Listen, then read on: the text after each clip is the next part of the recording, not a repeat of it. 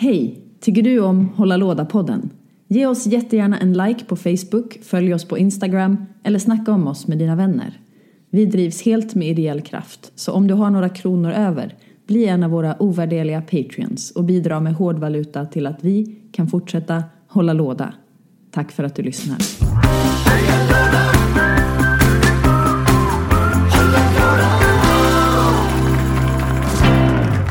Jo, god morgon, god morgon, god morgon. Hålla låda är tillbaka. Säsong två. Med mig, Samuel Nilsson, och dig. Stefan Stanisic. Och vad som är nytt för idag är att Samuel tog över eh, hälsningsfrasen. Men nu är vi tillbaka där vi, där vi var förut och så tar jag över igen. Mina 15 minutes är över. Dina 15 minutes of grey. Of, shades of grey. Nej. Vad heter det? Hej Europa! Det, här var, det var ganska länge sedan sist och för att liksom göra en stor smart uh, uppsamling av vad som har hänt sedan sist. Varför, varför vi har varit på en lång paus. Vi har Så- gjort barn. Vi har gjort barn. Eller vi har... Ja, barn. du har fått barn. Ni Jag har fått barn. Vi har fått barn. Jag har fortsatt ha, fortsatt ha barn. Ja, jag har fått ett barn.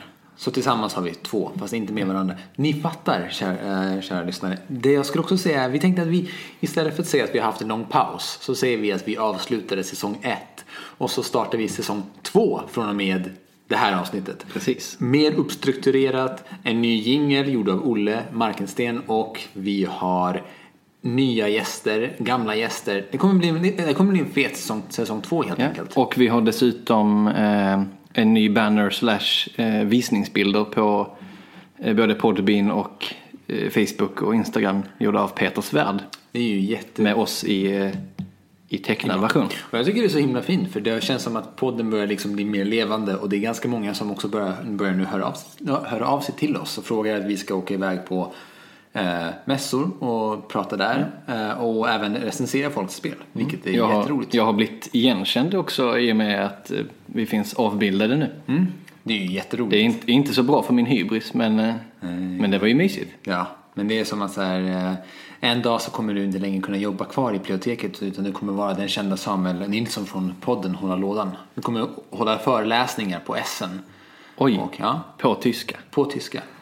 Och så kan du säga Essen Essen, und fressen. det är de två varianterna av, Av att äta. Av att äta. Ja. Eh, Men Samuel, jag tänkte säga vad, vad längtar du mest till i säsong två av Hålla låda? Eh, mest av allt är att komma igång igen. Eh, för att så, vi har ju varit på gång och få ihop ett par avsnitt ett par gånger och sen har det ju av olika anledningar skjutits upp. Så att eh, mest att komma igång och eh, så, beta av vår Google Docs-lista med teman och få tillbaka lite gäster och få lite nya gäster. Vi har ett till och med flera figurspelsavsnitt i pipelinen när, Ja. när det går att synka scheman. Och det är ju jätteroligt för det, det känns som att nya figurspel ploppar upp lite titt som tätt nu för tiden. Men som sagt, vi tar det när det är dags med figurspelarna. Ja. Ehm, vi kommer släppa ett avsnitt varannan vecka nu för tiden. Är ambitionen i alla fall. Ambitionen i alla fall. Man vet ju aldrig, det är ju våra barn som sätter schemat more or less. Ja, Så- och de är inte så strukturerade. Nej, inte på en och en halv och fem månader. Men eh, vi får se.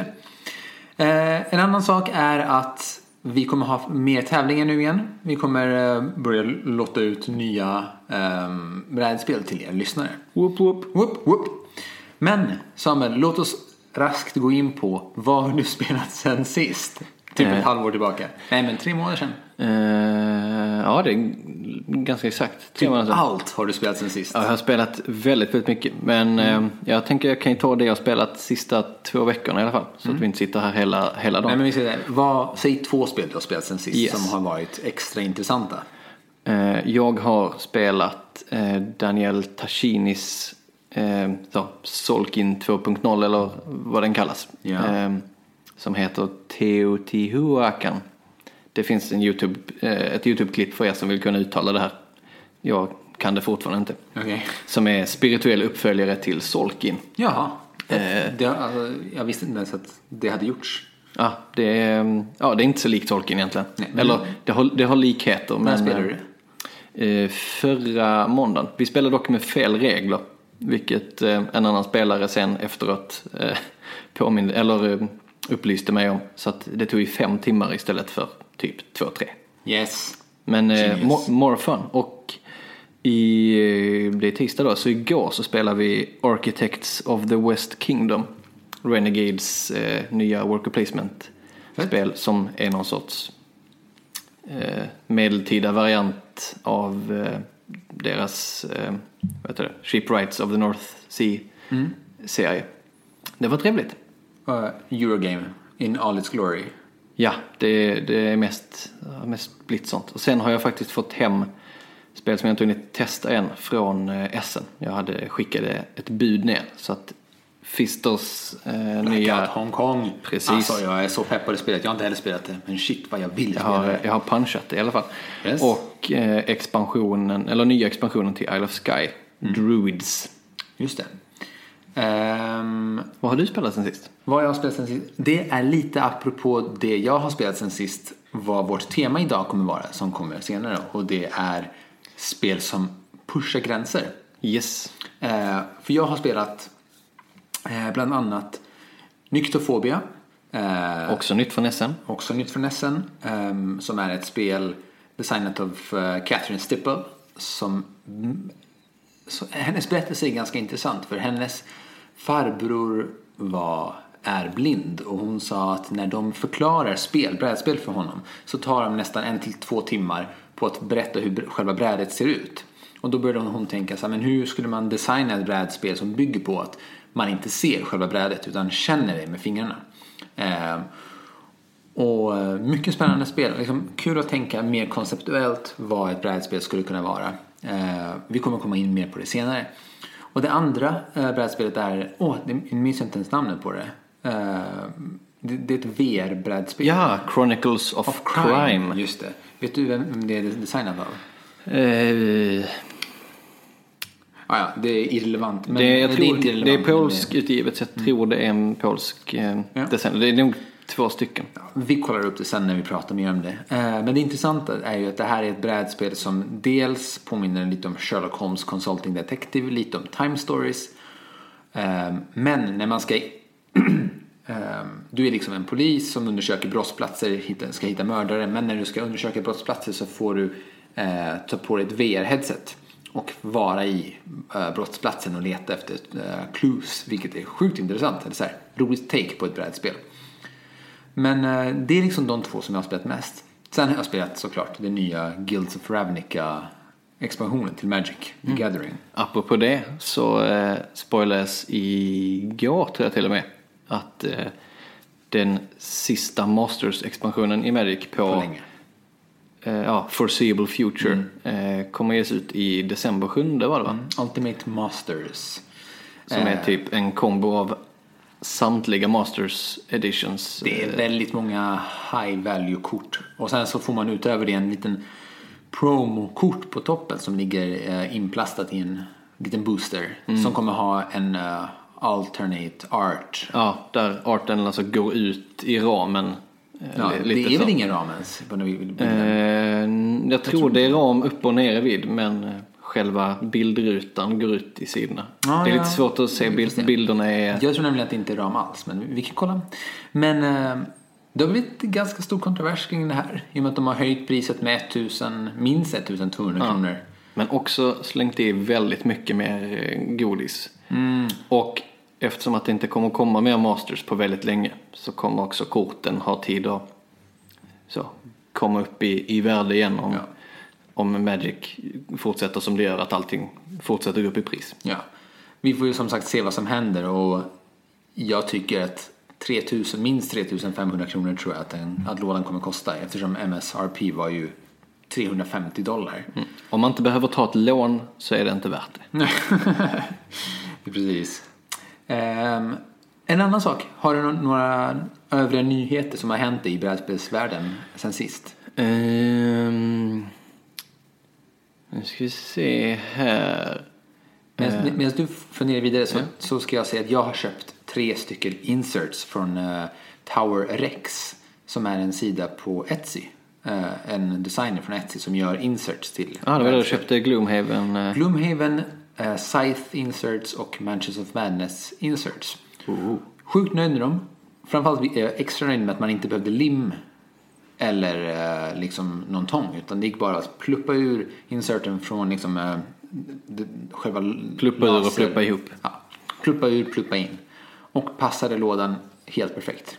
Nice. Jag har bara hunnit pluppa ur, pluppa i Scythe för det är ett av mina favoritspel. Det blir bara så jäkla snyggt. Alltså det känns ju liksom eh, stepping up a notch i brädspelsnörderiet när man har byggt sina brädspels-inserts. Mm, ja, men det är skönt med vissa spel som är lite bökiga. Speciellt större lådor. Så vanliga typ Ticket Ride, storlek, Eurogames. Kanske man inte behöver inserts. Det är, så länge man så slänger ner allting i påsar så brukar det fixera sig så att det ligger still. Men vissa spel är lite, lite svårt när det är många komponenter av olika storlek och typ. Men precis. Men eh, har du något nytt som hänt Samuel? Jo, eh, vi får ju ta en figurspelsnyhet också. Eh, det kommer ett nytt Warhammer Quest Ja, det Som är i- i 40K ja. Quest ja. som heter Blackstone Fortress. Blackstone Fortress. Det låter som en sån här South Park-skämt. Ja, det, Blackstone Fortress. det, det är det säkert också. Men eh, det är någon sorts, eh, ja, någon asteroid eller something med ett slott. Och sen så eh, bor det bad guys där inne. Och de har släppt jättemycket bilder på, så det är hur många så unika karaktärer som helst i det och jättemycket coola eh, Chaos Cultists och eh, det är någon Men var, är det bara jag eller var det någon ny ras? För det var några gubbar som såg så jäkla snygga ut som jag aldrig har sett förut i 40K-världen. Ja, du tänker på de här eh, som ser ut som små bläckfiskar. Ja, exakt. Ja, det är någon sorts Sentry Robots. De har inte jag heller sett. Det är nog, eh, nog de som bor där Mm, de var ju så jävla på, coola. eh, på liksom, som bor där egentligen. Och Mm. sen har Chaos kommit dit. Vet en Kill Team har ju blivit en grej. Folk tävlar nu i Kill Team. Är, eller här i Malmö är det liksom, det finns ligor i Kill Team. Ja. Det, är, det är kul att figurspels eh, världen börjar inte bara växa i sina små grupper utan ganska så här stort. Mm, ja, det är superstort. Det var ju för två helger sedan, Malmö Wargaming Weekend. Det var ju över 150 pers uppe på Hylje som eh, spelade diverse spel. Mm. Som eh, Malmö Figurspelsförening höll i. Fett. Gick det bra? Var du där eller besökte? Nej, jag- såg, eh, såg bilderna och eh, vi var ju med och sponsrade till, till pris och sånt så jag snackade med, med arrangörerna. De alltså var, inte vi. Hålla låda-podden. Nej, nej, Play, play, Playoteket. Playoteket. Hålla låda på den sponsrade mentalt. Men- Med, med, med pepp och styrkekramar. Ja.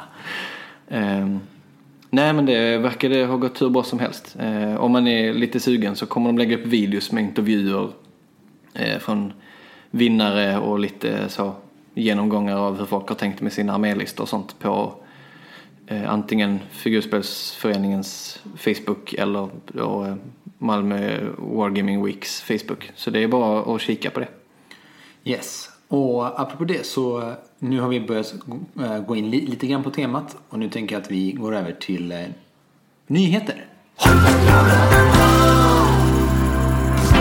Och då är vi alltså inne på nyheter och jag tänker så här, det första och kanske viktigaste som vi borde prata om när det kommer till nyheter utöver att vi redan har nämnt Ultimate Masters och uh, Keyforge, Battleforge, Darkforge, Darkforge, eller hur?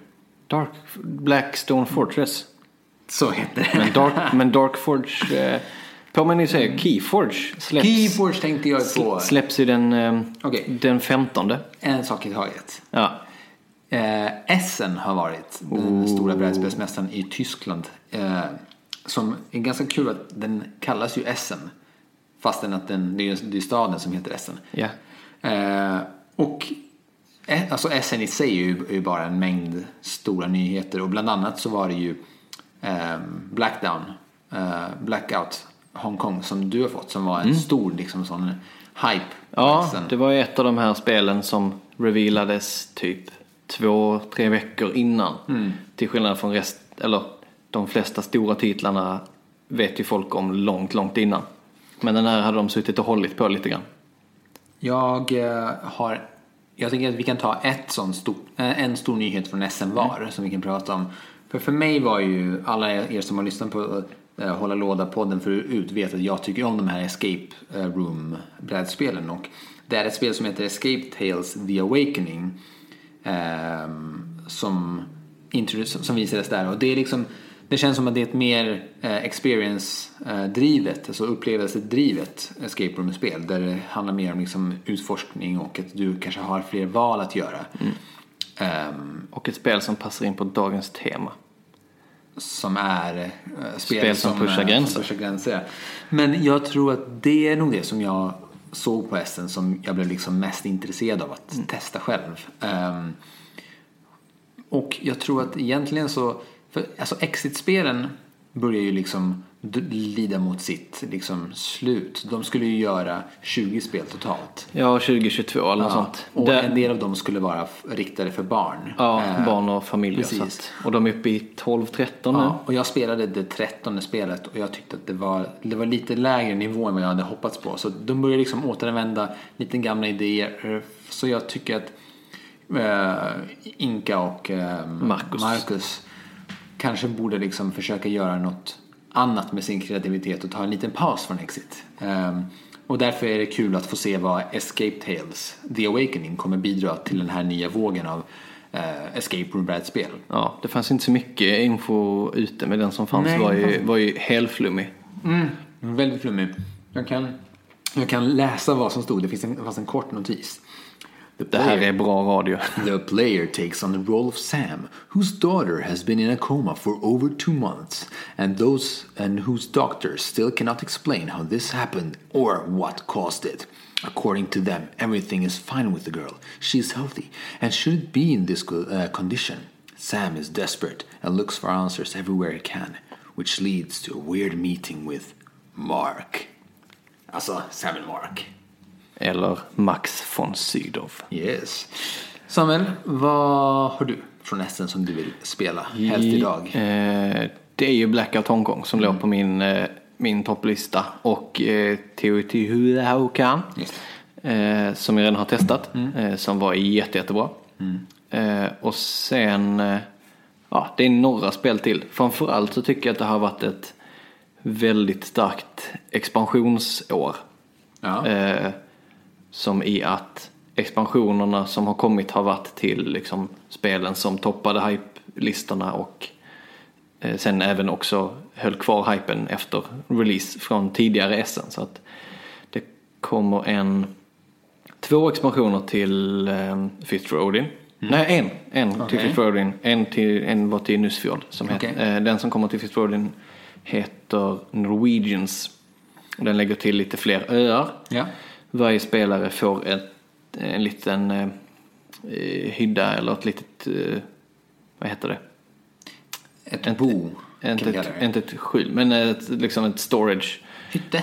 En hytte, Ja. precis. Eh, och sen byggs även eh, actionspelplanen om. Okej.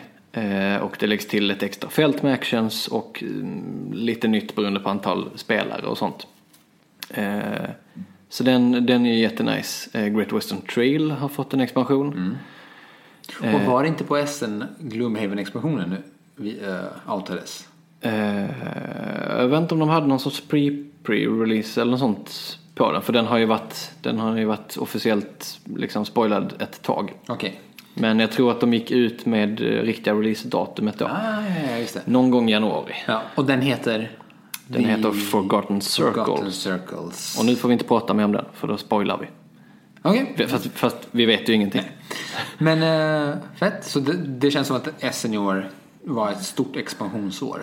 Ja, eller mycket bra expansioner och lite färre så här hype-hype eh, titlar liksom i övre svårighetsgraden än tidigare år. Ja. Men det är också svårt att säga för att det går ju inte att kolla igenom alla de här 2500 titlarna eller vad det är. Sant. Så att jag har ju antagligen missat supermycket Ja, men det som är klart jättebra. alla missar ju Men, eh, saker på, från SM. Men, men, ju- eh, man får ju ta vara på det man liksom Ja. såg och blev intresserad av. Så som du och jag har liksom. Och du, du har ju redan, fått tag på din Blackout Hongkong. Så det är ju helt fantastiskt. Jag är så jävla avundsjuk. Ja, det kommer till Sverige i februari tror jag. Men eh, det händer ju massa saker innan dess. Det är ju jul snart också. Vi kommer ju ha ett, ett extra julavsnitt. Och vad heter det?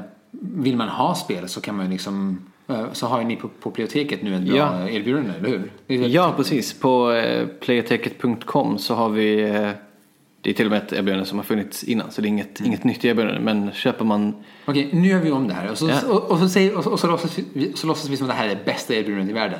det är det bästa erbjudandet i världen. tre, två, ett. Oh my god, jag har precis hört att ni har det fetaste erbjudandet på biblioteket i världen. Kan du inte berätta om det? På playateket.com får man alltså 10% rabatt på sitt köp om man köper tre sällskapsspel eller tre spel i kategorin sällskapsspel och där är alltså alla brädspel inräknade. Det är typ det bästa 10 procenten jag någonsin har tjänat i mitt liv tror jag. My God! My god! Fett! Och det var på biblioteket.com.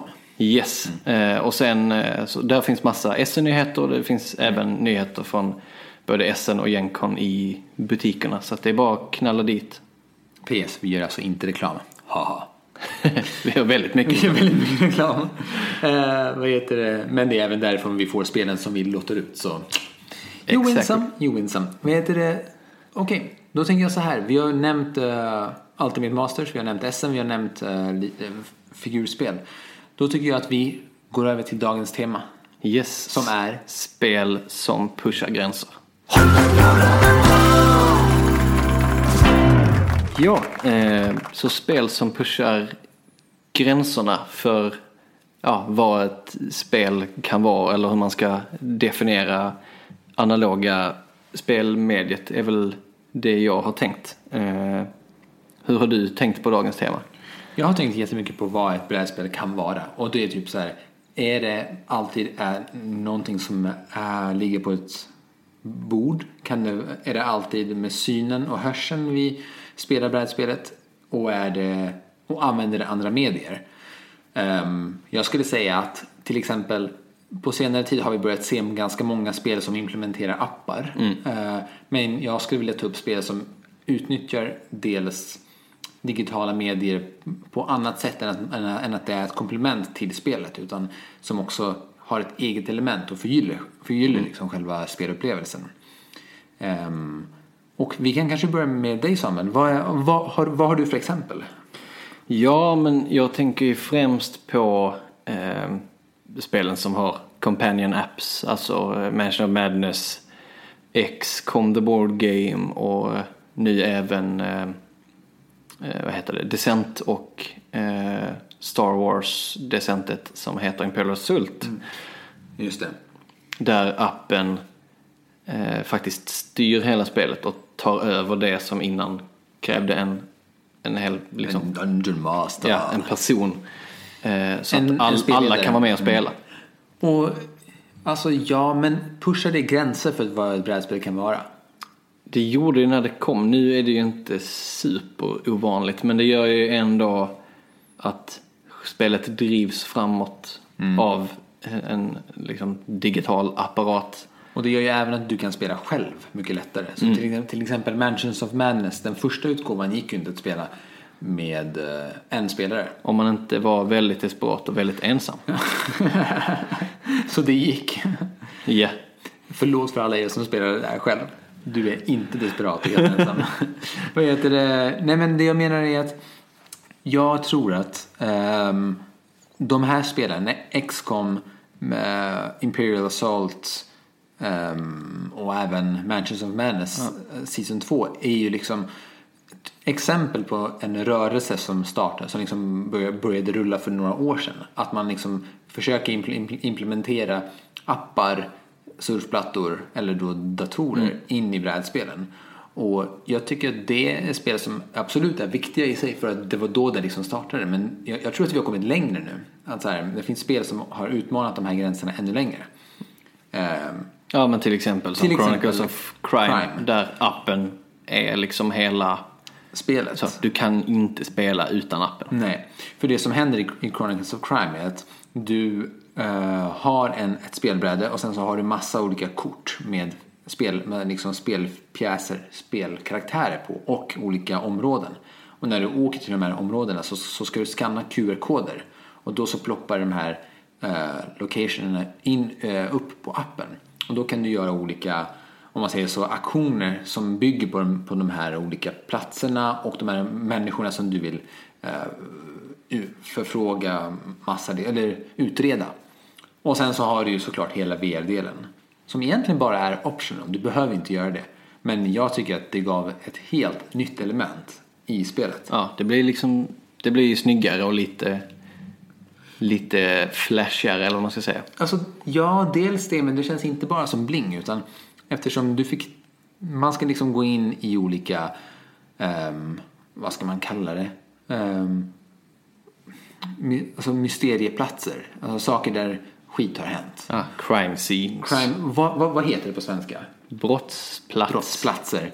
Och på de brottsplatserna ska du leta efter ledtrådar. Och du har cirka en halv till en minut att titta runt och, och hitta ledtrådar. Och sen så ska man ge det till nästa person. Och det gör att du i brädspelet inte bara ska tänka utan du ska också använda synen och liksom titta runt. Och jag tror att olika personer tittar på olika saker.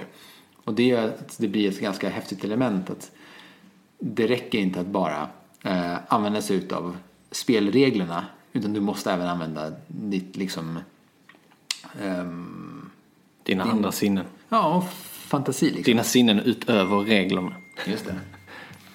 Men, Men, Sjätte eh, sinnet är nämligen regler. Precis. Ehm, men har du något mer exempel? Vad tänker du? Ja, men jag har mer tänkt eh, spel som eh, liksom drar med sig digitala eh, delar får ju en del skit online på forum och sånt. Absolut, ja. Så, men hur ska man kunna spela det här om tio år när eh, så, Google Store har tagit ner det eller företaget har konkat och då går det inte att spela de som kräver en app. Ja. Eh, och, och det är ju visserligen ett, ett problem eh, om, man, om man tänker så. Sen är det också så hur många har, eller hur många av spelen folk har kvar i sina hyllor där hemma har stått där i mer än tio år och spelas fortfarande. Ja. I ärlighetens namn. Jag förstår kritiken eh, men så. Säg att ett spel kostar 400 på de här tio åren. Om inte du har spelat spelet så att du har fått ut 400 kronor liksom spelvärde. Då skulle du kanske inte ha köpt det. ja. Nej men alltså ja och nej. Man lär, alltså, sam- samtidigt så vill du kunna spela de tio år så ska du ha möjlighet att göra det. Eller så ska du vara beredd på att du inte, inte kommer kunna göra det, göra det när du väl köper spelet. Precis. Jag tänker på det här nyktofobia. Som betyder eh, Fear of the mörker. dark. Ja. Ehm, jag tycker att det är ett spel som verkligen tänjer på gränsen för vad ett brädspel kan vara. För alla spelare förutom en får alltså helt becksvart, alltså så shadade glasögon. Som gör att du inte ser någonting. Du ser liksom inte spelbrädet. Och sen är det handlingen är, vi är att man är ett gäng Ja, alltså jag, jag tänker att man är typ ett gäng kids som hamnade, på, hamnade ute i en skog och så är det en yxmördare som jagar dem. Och hela spelbrädet är typ en labyrint som består av skog. Och så ska man hitta till bilen. Crystal Lake, nej.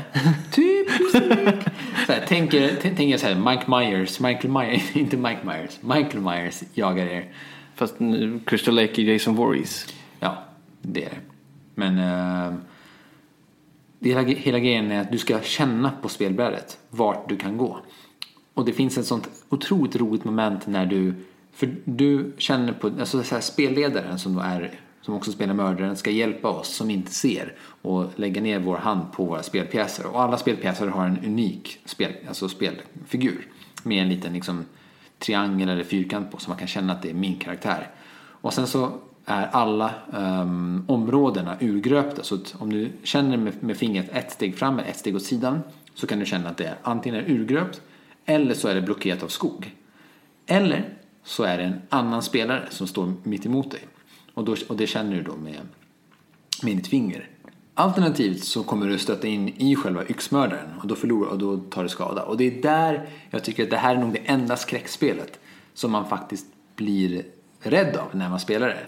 För när du inte ser vad som finns på spelbrädet och ska liksom peta en ruta fram med ditt finger så blir det ganska nervig stämning när du inte vet så här, kommer jag peta på en tom ruta eller mördaren? Så ja, det var, ett, det var verkligen ett spel som tände på gränserna hur man kan se ett brädspel. Ja, och hur, Eller hur man inte kan eller, se eller framförallt hur man, eh, hur man spelar. Det är ju ett nytt, eh, nytt grepp att eh, Exakt. plocka bort sinnen på det sättet. att synen är ju extremt viktig. Och det är ju, jobbar ju liksom branschen stenhårt med att utveckla tydliga rebusar för spel, liksom för att markera på spelplanen vad som händer så att det blir språkoberoende och, och så. Och att det här spelet helt bara tar bort. Och, och ta det andra vändan. Att säga, Ja. Det här handlar om andra, bara andra sinnen. Jätte, jättekul. Och alltså också, det här tror jag är ett jätteroligt så här, familjespel. För att det finns typ inget roligare i det spelet än att spela som yxmördaren. Och se när, när ens motspelare är jättenära den här bilen som man ska ta sig till. Men väljer att gå en, en annan väg. Det, är, så det, Det finns- känns ju som någonting man vill filma. Ja, det skulle nog vara ganska kul att filma. Eh, Det är lite åt det här sällskapsspelet hållet. Alltså sällskapsspel, vad ska man kalla det? Resistance och The Mind. Ehm, spel som mer bygger på den kollektiva Det- ja. upplevelsen än regler. Och apropå det så har vi ju The Mind. The Mind. The Mind. Är det ett spel? Eller är det en social... Eller är det ett flygplan? Eller är det en fågel? Men det är, så här, det är nog många som har hävdat att The Mind är ett socialt experiment mer än ett spel. Och The Mind tycker jag, jag, tycker jag är ett helt briljant. Det är ett spel som bara består av kort från 1 till 100. Och så ska man dra ett kort. Eh, Alla spelare drar ett kort och sen så ska man lägga ut korten, eh, korten i storleksordning utan, utan att visa till varandra eller prata med varandra. Och sen går man från level 1 till max 12. Och för varje level så tar man ett kort mer. Ja, precis. Så level 12 sitter alla med 12 kort. med 12 kort var. Och ja, hela Och det- grejen med spelet är ju för att det här att funka. Sen har man lite extra liv och eh, kaststjärnor som gör att alla, man kan säga paus och så, så röstar man kaststjärna, ja nej och då slänger alla sina två lägsta kort. Så det finns lite Ett hjälpmedel. lägsta är det. Ett lägsta? Ja. Eh, Så det finns ju lite hjälpmedel men det är ändå pissvårt. Jag har ju fortfarande inte kommit över nivå 6 Mm. tror jag. Vi, vi har klarat det med Svante. Herregud. Ja, på första försöket. Hur? I don't know, det var helt crazy. Alltså, det finns något också i, the mind, i sådana här spel när man liksom håller på att, typ, typ, typ om jag har siffran 39 och Svante har, har eller han hade 40.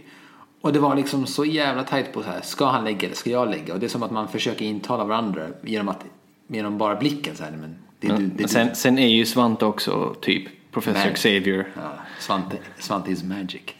Nej, men det var häftigt. Det var, det var verkligen jätte, jättecoolt att se hur otroligt engagerad man kan bli i ett spel som bara är en kortlek som består av hundra siffror. Det är, det, det är häftigt. Det är, efter första gången jag hade spelat det så gick jag liksom och funderade så. Är det här verkligen ett spel? Ja, och det var, Eh. du näm- nämnde det så bra. Du sa det så bra förut. Man är inte tillfredsställd. Alltså brädspelssuget är inte tillfredsställt efter ett spel, efter att du spelade Mind. Men det är ett spel. Det, Ja. Och det är en bra filler. Det är en bra Ja. uppstart för kvällen. Precis. Och det, och det är liksom inget, inget negativt att det inte fyller det. Utan så är jag väldigt sugen på att spela eh, brädspel och spela The Mind så känner jag mig inte mätt. Jag tänker som så. Är man sugen på öl så spelar det ingen roll hur god saft man dricker. Eller vin. Eller vin. Nej. Eller ett alkoholfritt alternativ. Ehm, Nej men alltså jag förstår Men, eh, men- men vad du menar. jag har Men nog bestämt att men jag jag- har ju haft sjukt kul med det. Nästan Ja. mer kul än andra brädspel. Mm. Men eh, jag tycker nog att, att det är ett spel. Mm. Men det häftiga är ju när man spelar det att det känns ju mer som att sitta hos en spel eller spågumma än, Men det är där vi spelspel. snackar om det här, vad, spel som pushar, som pushar Mm. gränser. Du sa precis nu ett keyword och det är så här, är det ett spel? Jo, det är, det är ett spel för att du har spelregler. Reglerna är, vi, vi ska lägga ut korten i ordning. Men sen kommer ju definitionen, vad är ett spel? I, det, Mm. i ett större liksom, om, eh, i en större omfattning. Så jag undrar verkligen. Is it a game? Will it blend? Livets Will- stora frågor. ehm, har du något mer som du tänker på? Ja, ehm, jag tänkte lite på, vi har ju redan pratat om, om es- Escape Room-spelen lite grann. Eh, Det där att, är det det här mysterielösandet spel? Men ehm, jag tänkte faktiskt på eh, legacy-mekaniken som, som koncept. Att Definitivt. när den, när den kom, den pushar ju inte gränser för så, oh, är det här ett spel eller inte? Just det. Men det känns som att eh, konturerna för här inne i den här bubblan finns eh, spelmediet. Just det. De knuffades lite, lite när, eh, när det här presenterades att det är inte nytt med spel man spelar som kampanjer. Rollspel är ju baserat på det. Absolut. Men att jag vet hur det var att första gången man skulle klistra på någonting på ett spelbräde. Det var ju så här mindblowing. Det, är så här, "Va, det här får man inte göra. Och det minns jag mina vänner som aldrig hade gjort, spelat, spelat ett legacy-spel Mm. också. Hade en otroligt stark här, känsla av det här förbjudna. Att man får inte klistra på saker på ett brädspel. Så det tycker jag var häftigt att de Mm. ändå gjorde Att spelarna liksom väldigt aktivt eh, styr. Nu är det ju väldigt eh, korridorigt liksom. Man kan inte göra vad som helst. Men Nej. när man sitter där så känns det ändå som att man är Guds all, Gud allsmäktig och så sandboxar liksom hur man vill. Och det är ju det är något häftigt den, den känslan och vad det sen satte för spår. Visst. Det har ju öst ut Alltså så, exit-spelen är ju också på sätt och vis eh, legacy just att du lämnar efter dig spår när du har spelat i själva spelet genom att ta sönder det. Just det, sant.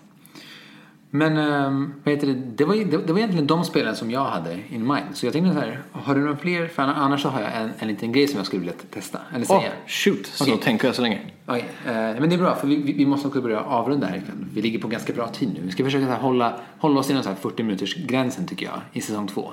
Det är ganska bra va? Ja, men lätt och lagom. Och sen kan man dra över ibland. Ibland. Bara ifall vi har massa härliga gäster. Gäster. En snabb grej. Eh, ett favoritspel som har pushat gränser för dig. Ooh. Och ett favoritspel som pushat gränser för mig. Mm. Och så kommer jag räkna från 3, 2, 1, 0, sen säger vi det. Så nu Oh, jag. jag behöver längre betänkande. Nej, det får du inte. 3, 2, 1. The Mine. Bra sagt, Stefan. Fan, du suger Samuel. Tack så jättemycket för att ni lyssnade på oss idag. Tack så jättemycket. Och vi är tillbaks om två veckor blir Om det. två veckor. Och då kommer vi ha en tävling. Eller hur? Ja, någon form av tävling. Precis. Och det är ju toppen. Och för, förhoppningsvis så har vi en gäst som kommer hälsa på.